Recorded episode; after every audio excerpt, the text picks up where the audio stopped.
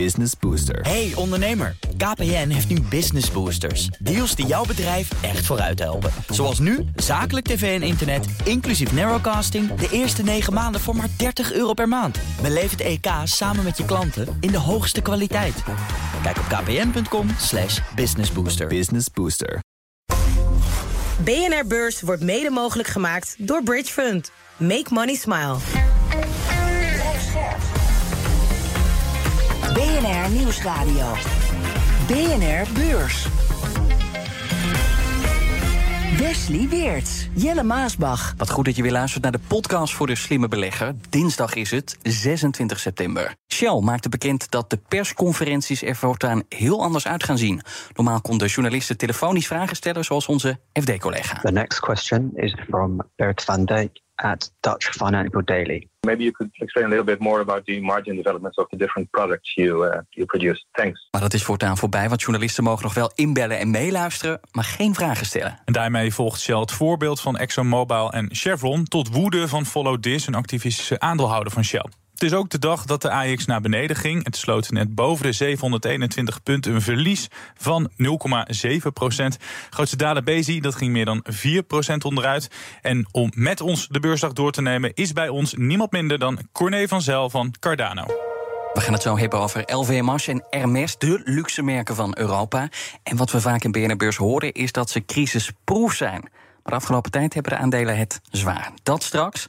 Maar eerst al het andere nieuws dat uh, ons op deze dag opviel, Jelle. Ja, het gaat dan echt gebeuren. Een deel van Alibaba gaat naar de beurs. Eerder hadden we het erover in dit programma. Alibaba denkt eraan zichzelf op te splitsen in zes delen.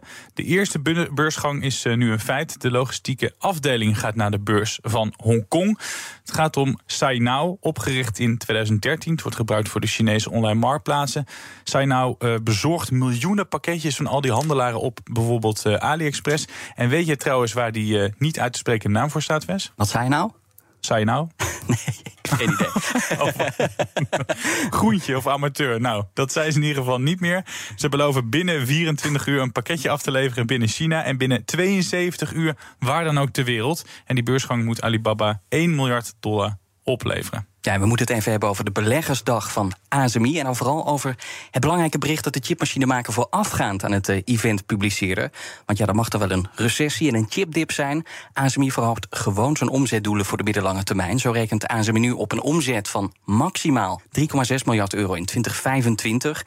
En eerder was dat nog 3,4 miljard euro. Alleen ja, beleggers die rekenen op meer, veel meer kennelijk. Want het aandeel verloor vanochtend zelfs even zo'n 6 procent. En uiteindelijk werd het verlies beperkt en sloot het aandeel 1,6 procent lager. Maar Corné, hoezo zijn beleggers zo teleurgesteld? Want die vooruitzichten, ja, die zijn dus beter dan gedacht. Nou, de vooruitzichten zijn uh, verbeterd, maar niet beter dan gedacht, omdat alle analisten eigenlijk al op dit soort omzetstijging hadden gerekend. Mm -hmm. En de marges die ze erbij hadden verteld, ja, die waren zelfs een, stuk, een, een klein tikje lager. En ze vertelde dat het nog steeds best wel een moeilijke periode op dit moment is. De, de, verwachtingen waren met name voor 2025. Nou ja, dat is mooi dat de omzet dan dus uh, om, omhoog gaat. Maar ja, als je dat al verwacht en, en, ze zeggen het ook, ja, dan is ja, bezit van de zaak einde van vermaken. En als daar nog wat lagere marges bij hoort, dat verklaart die uh, toch wel uh, flinke daling die we hebben gezien. Gelukkig inderdaad wel een, ook weer een mooi herstel aan het einde van de dag. Maar blijft een flink rood cijfer over. Dan naar de best betaalde bankier van de wereld, Jamie Dimon van JP Morgan natuurlijk. En parttime orakel, dit keer op CNBC. Hij had het over het grootste gevaar voor de economie. En dan komt hij met een opvallende de oorlog in Oekraïne. Hij zegt, we hebben al eerder met inflatie te maken gehad. We hebben al eerder met tekort te maken gehad. We hebben eerder met recessies te maken gehad. En zoiets als Oekraïne, dat hebben we sinds de Tweede Wereldoorlog niet meer zo vaak gezien. Het geopolitieke baart hem dus het meeste zorgen. Want volgens Diamond is dat humanitaire belangrijk voor een vrije democratische wereld. Ja, Corné, sorry, maar een langdurig hoge inflatie lijkt mij toch voor de economie erger dan... Uh, de oorlog in Oekraïne? Nou ja, de oorlog in Oekraïne zorgt ook natuurlijk voor inflatie. Het zorgt voor een hogere olieprijs, hogere graanprijzen. En daarmee ook voor veel onrust in de wereld. En veel maatschappelijke onrust is ook weer slecht voor de wereldeconomie. Uh, dus ik kan me zijn redenatie wel voorstellen. Ik denk wel, het, en een olieprijsstijging is natuurlijk in principe eenmalig. Hè. De olieprijs blijft niet doorstijgen. Maar uh, de recente stijging die we hebben gezien, die moet zeker nog in de inflatieverwachtingen worden doorgeprijsd. Uh, Om terug te komen op die oorlog in Oekraïne, het is ja, het is ja, heel triest, maar het is heel moeilijk voor te stellen hoe dit snel tot een einde zou komen. Dus ik kan me zijn zorgen wel een beetje voorstellen. Nou, iets waar ik echt van onder de indruk ben, dat is de grote update van ChatGPT. Die wordt, gaat het er weer over hebben. Nee dit, nee, dit is echt heel erg tof. Het wordt de komende weken uitgerold, die update. En vanaf dan is het mogelijk om vragen te stellen met je stem. Dus in plaats van vragen in te tikken. En dan praat ChatGPT ook uh, terug naar je. Doe me denken aan Siri op mijn iPhone. Dat is het eerste wat ik heb uitgezet. Ja, dat klopt. Daar lijkt het ook op. Maar dat is niet alles, want dan zou ik niet zo onder de indruk zijn. Een andere toffe functie is dat hij uh, afbeeldingen kan begrijpen. Dan maak je bijvoorbeeld een foto van je koelkast. En dan rolt er een op maat gemaakt recept uit de chatbot. Dus op basis van wat in je koelkast ligt. dat is dan wel weer tof. Dat is heel tof. Maar wat nog toffer is, dat is de samenwerking die OpenAI, het bedrijf achter ChatGPT, heeft aangekondigd met Spotify. Want het bedrijf gaat de techniek van OpenAI gebruiken om podcasts te vertalen met kunstmatige intelligentie. Dus dan worden de stemmen van presentatoren gekloond en dan spreken opeens vloeiend Spaans. En zo klinkt het. When you say the word toxicity, how are you defining that? You're saying like toxic chemicals que introducimos en nuestras vidas, en nuestra piel, consumimos, inhalamos, tenemos a nuestro alrededor y que están en nuestros alimentos. We hebben Philips, dat meer dan 130 jaar oud is. Of wat dacht je van Ahold, dat ook al zo stokoud is? Zometeen hebben we het over de jonge beursbedrijven die net zo groot kunnen worden. Crisis en economische krimp betekenen goed nieuws voor huismerken en prijsvechters. En lange tijd ook voor, jawel, luxe merken. De vraag naar dure handtassen, sjaals, juwelen en exclusieve horloges nam alleen maar toe. En de waarde van LVMH kwam zelfs als eerste in Europa boven de 500 miljard dollar uit. Maar wat tot voor kort onmogelijk leek, gebeurt nu. Er woedt een crisis in Luxeland. Luxury stocks losing over 150 billion dollars in market cap. Now the market capitalization of European luxury goods companies dropped by more than 25 billion dollars. LVMH has lost over 100 billion dollars in value since that peak in April.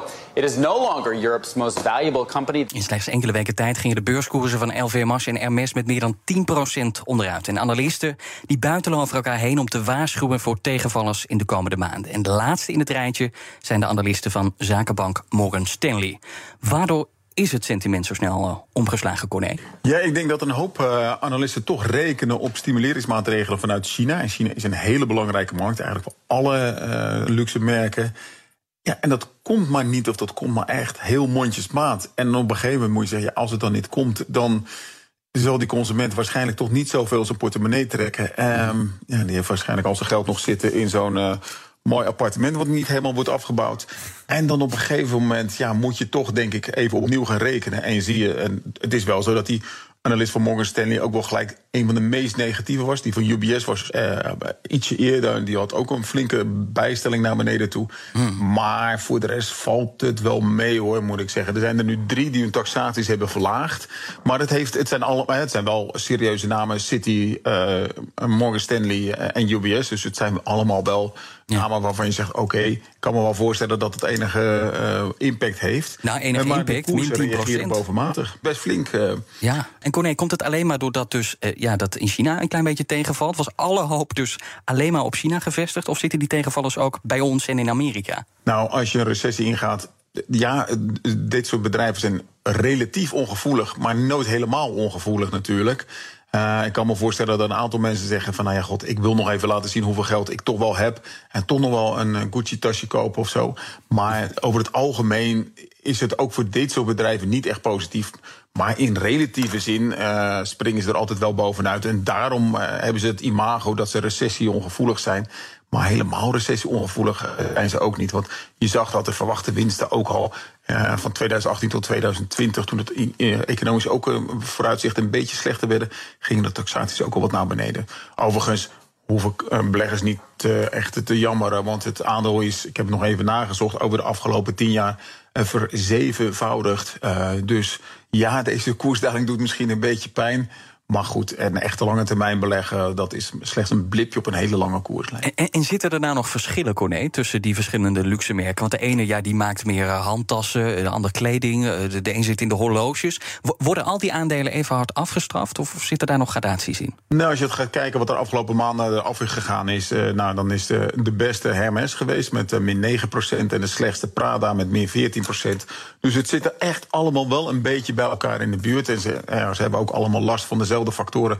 Dus wat dat betreft Ehm, ja, het vreemde is, en dat is bijzonder aan dit businessmodel... het maakt niet uit of het een tasje is of, uh, of een champagne...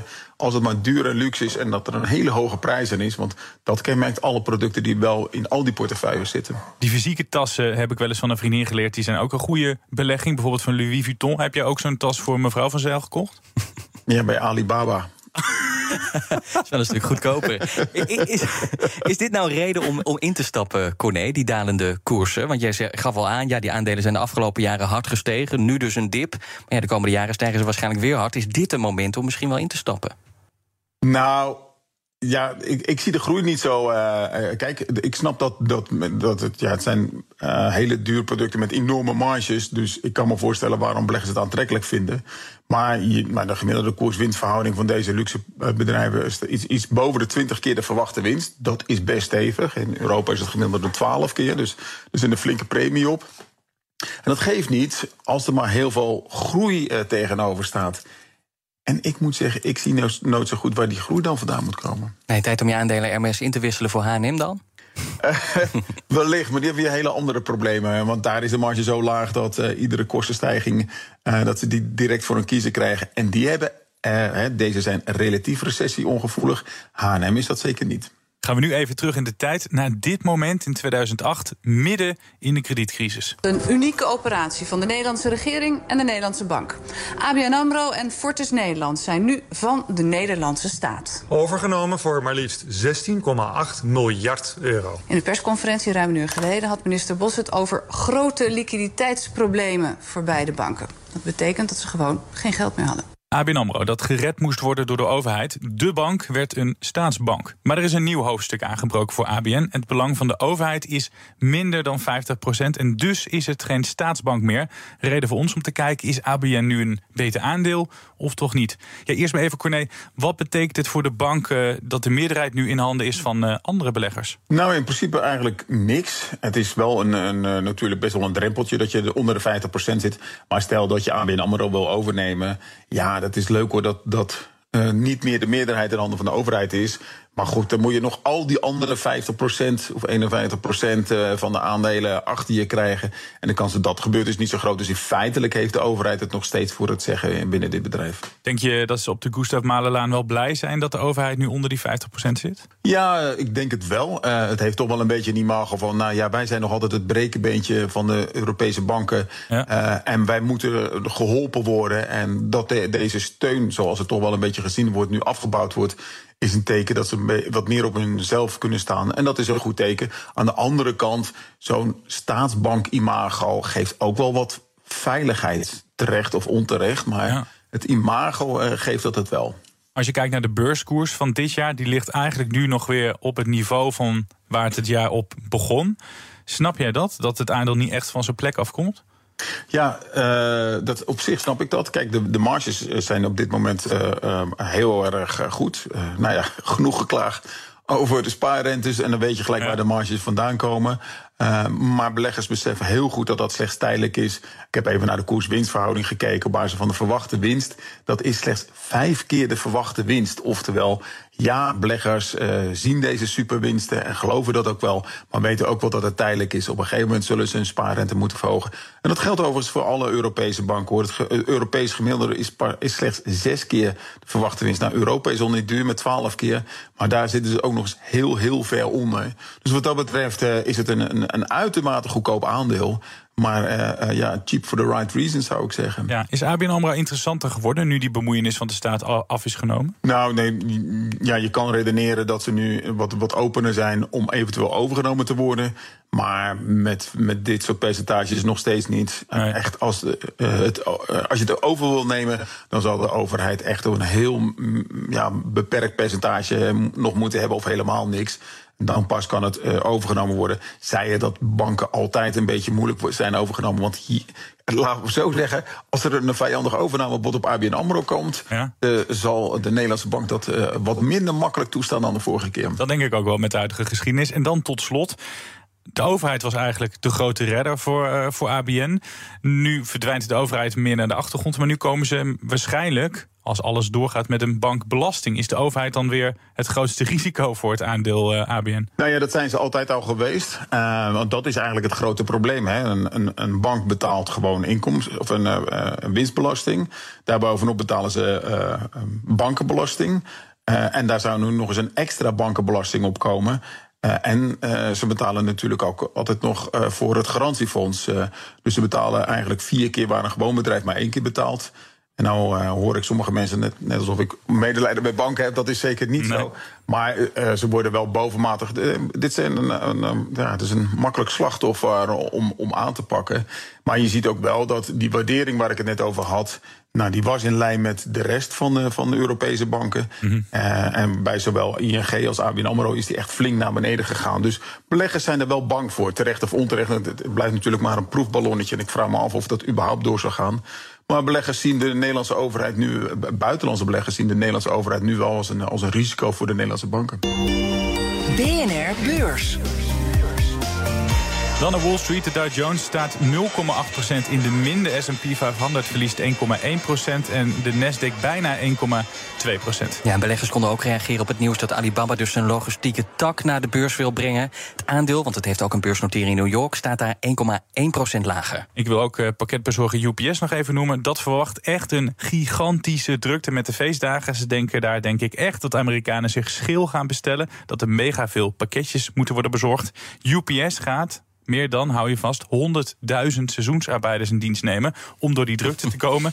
Maar zoals we allemaal weten is het lastig om aan personeel te komen. En dus moeten ze iets meer bieden. Helemaal omdat ze ook nog een uh, overeenkomst hebben gesloten met de vakbond. Die tijdelijke hulpen die gaan nu tussen de 21 en 23 dollar per uur verdienen. Ze zoeken chauffeurs, bezorgers, mensen in het magazijn. Wat en... voor jou, Jelle? Nee, maar wat wel een voordeel voor mij is, dan vond ik het grappige, voor bijna 80% is geen sollicitatiegesprek nodig. Die gaan ze gewoon aannemen. Oh, dan ben je meteen aangenomen. Dan kom je echt uh, met hele goede mensen terug, denk ik. Beleggers vinden het allemaal minder grappig, mogelijk vanwege die kostenpost. Aandeel staat een uh, kleine procent in de min. Het aandeel Tesla gaat een heel klein beetje omlaag, 0,2% na het nieuws dat het mogelijk heeft geprofiteerd van Chinese subsidie. En daarmee is het dus onderdeel geworden van het Europese onderzoek naar illegale staatssteun uit China. Want de overheid zou de auto-industrie steunen met allerlei subsidies, waardoor dus Chinese bedrijven hun auto's spotgoedkoop kunnen verkopen in Europa. Dat onderzoek dat werd eerder deze maand aangekondigd, maar blijkt zich nu dus niet alleen te beperken tot die Chinese bedrijven, want ook andere fabrikanten die subsidies krijgen voor de productie, die worden meegenomen in dat onderzoek, meldt de Financial Times. En dat kan dus gevolgen hebben voor Tesla, want dat zou naar verluidt ook financiële steun uit China hebben gekregen. BNR Beurs. De hele week zijn we op zoek naar beursbedrijven die er al zijn, nu nog klein zijn, maar kunnen uitgroeien tot giganten. Je hoort wie Unilever van de troon stoot, waar de ASML 2.0 vandaan komt en wat Europa's antwoord is op het Amerikaanse techgeweld. En Corné, wat heb jij meegenomen? Nou, eigenlijk helemaal niks. um, dat komt omdat het verdomd moeilijk is om een dergelijke kandidaat te vinden. Ja. A, omdat je dat altijd pas achteraf weet natuurlijk. Dus het is wel leuk om zo'n naam te noemen. Maar de kans dat dat... Eh, er zijn altijd honderd van dit soort mogelijke bedrijven. Eh, en eh, nummer 101 wordt het waarschijnlijk. Maar ook omdat Europa gewoon een structureel nadeel heeft. en hoezo? We hebben heel veel regels opgelegd. En er komen steeds meer regels eh, voor, voor privacy en dat soort zaken. Uh, en in Amerika, monopoliepositie, wordt nu langzaam ook aangepakt, maar veel minder. Ook qua privacy kan daar veel meer. Dus wat dat betreft zullen die techbedrijven zich veel beter kunnen ontwikkelen in de Verenigde Staten. Ik ben een groot voorstander van die, van die strenge regels, want dit soort bedrijven moet. Je merkt het, als ze niet aan de lijn worden gehouden, dan ja, slaan ze op hol. En dat wil, wil je zeker niet. Genoeg problemen bij Meta, bij uh, Amazon en Microsoft in ieder geval. Dat wil je dus uh, zien te voorkomen. Maar dat dit, dit is wel het negatieve bijgevolg daarvan.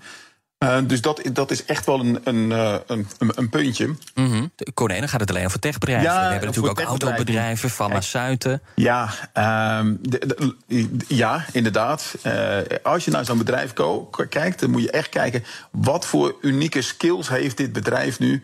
Ehm, en dan, uh, ASML is daarom een prachtig voorbeeld. Die heeft unieke skills, unieke kennis. Die kan niemand anders, zo uniek dat niemand anders ze kan namaken. En dus kom je met zo'n enorme marktpositie en eigenlijk een, uh, gewoon een hele gezonde mm monopoliepositie. Of je moet een, een, netwerk hebben opgebouwd, zoals een Microsoft of een Google, dat je niet meer om dat bedrijf heen kan. Uh, en dan, maar ja, dat, dat, dat is het probleem. Dat is hier toch, toch heel wat moeilijker. Ja, jij zegt eigenlijk, die Amerikanen zijn in het voordeel. Wat betekent dat dan voor onze internationale concurrentiepositie? Kunnen we die uh, meteen uh, opgeven? Nou, dat betekent wel dat bedrijven hier het heel wat moeilijk hebben. En zeker met de, alle, de IRA, de Inflation Reduction Act, waarbij heel veel gestimuleerd wordt. Jullie hadden het net over de subsidies. Nou, dat wordt daar flink gesubsidieerd. Mm Chips Act wordt flink gesubsidieerd. Dus een heleboel bedrijven zijn toch wel geneigd om eerder in de Verenigde Staten te, uh, te investeren dan hier in Europa. En dat is dan toch wel een nadeel, waardoor bedrijven eerder en dat soort toekomstige winnaars eerder in Amerika zullen opereren. En je ze daar ook meer kan vinden. Maak je je ook zorgen dat dus uh, ja, meer de aandacht gaat naar de Amerikaanse markt en niet uh, hier naar Europa? Ja, nou is dat altijd wel een probleem geweest. Omdat ja, op het moment dat je zo'n grote autonome markt hebt, zoals de Verenigde Staten. Hè, je, hebt je hoeft maar met één taal te doen, je hebt met minder regels te maken. Uh, en als je die ook nog eens die subsidielaag eroverheen komt, ja, dan is het makkelijker daar te ondernemen. En zullen die bedrijven ook daar groter worden. En bedrijven, ja, je, je hebt hier natuurlijk wel wat, wat winnaars zitten. Maar dat zijn meer de uitzonderingen dan, en, uh, en die de regel bevestigen. Uh, en dat is wel jammer. En dat heeft een negatief effect op de Europese economie. De olieprijs die stijgt al een tijdje. De druk om te verduurzamen ook. Het grootste olie- en gasbedrijf van Europa, Shell, die koos onlangs voor de cent. Morgen komt er meer duidelijkheid voor de aandeelhouders van een andere olie- en gasreus. En dat komt door de toekomstplannen van Total Energies. Het Franse olie- en gasconcern presenteert namelijk zijn toekomststrategie. Shell heeft eerder laten weten dat ze vooral inzetten op winst. Deze dag gaan we zien of Total in de voetsporen van de Engelse concurrent treedt. En we blijven in de olie, want er komen ook cijfers over de olievoorraden in de Verenigde Staten. Zeker met die stijgende prijzen, goed om in de gaten te houden. Dit was hem dan. BNR Beurs van dinsdag 26 september... waarin het ging over handtassen, sjaaltjes en dalende koersen. We hadden het over LVMH en Mers... en of er nu sprake is van een crisis in Luxeland. En ook hoorde je over ABN AMRO... dat na 15 jaar geen staatsbank meer is. En je hoorde Corné vanzelf van Cardano. Dankjewel Corné, fijn dat je er was. Ja, en uh, vergeet vooral ook niet je vragen op te sturen. Corné die heeft nu alle vragen beantwoord. Maar heb je nog meer vragen aan ons? Stuur ze vooral naar bnrbeurs.bnr.nl. En wie weet wordt jouw vraag dan in de speciale vrijdaguitzending... aan onze ja, gast van die dag voor. Ja, want wij gaan hem niet beantwoorden. Wij gaan hem niet beantwoorden. Het lijkt me niet uh, verstandig dat wij, of in dit geval jij hem dan uh, gaat Oh, ja, dan al helemaal niet. nou, om de weer toch weer terug te krijgen. Tot morgen. Tot morgen. BNR Beurs wordt mede mogelijk gemaakt door Bridge Fund. Make money smile. Business Booster. Hey ondernemer, KPN heeft nu Business Boosters. Deals die jouw bedrijf echt vooruit helpen. Zoals nu, zakelijk tv en internet, inclusief narrowcasting... de eerste 9 maanden voor maar 30 euro per maand. Beleef het EK samen met je klanten in de hoogste kwaliteit. Kijk op kpn.com businessbooster. Business Booster.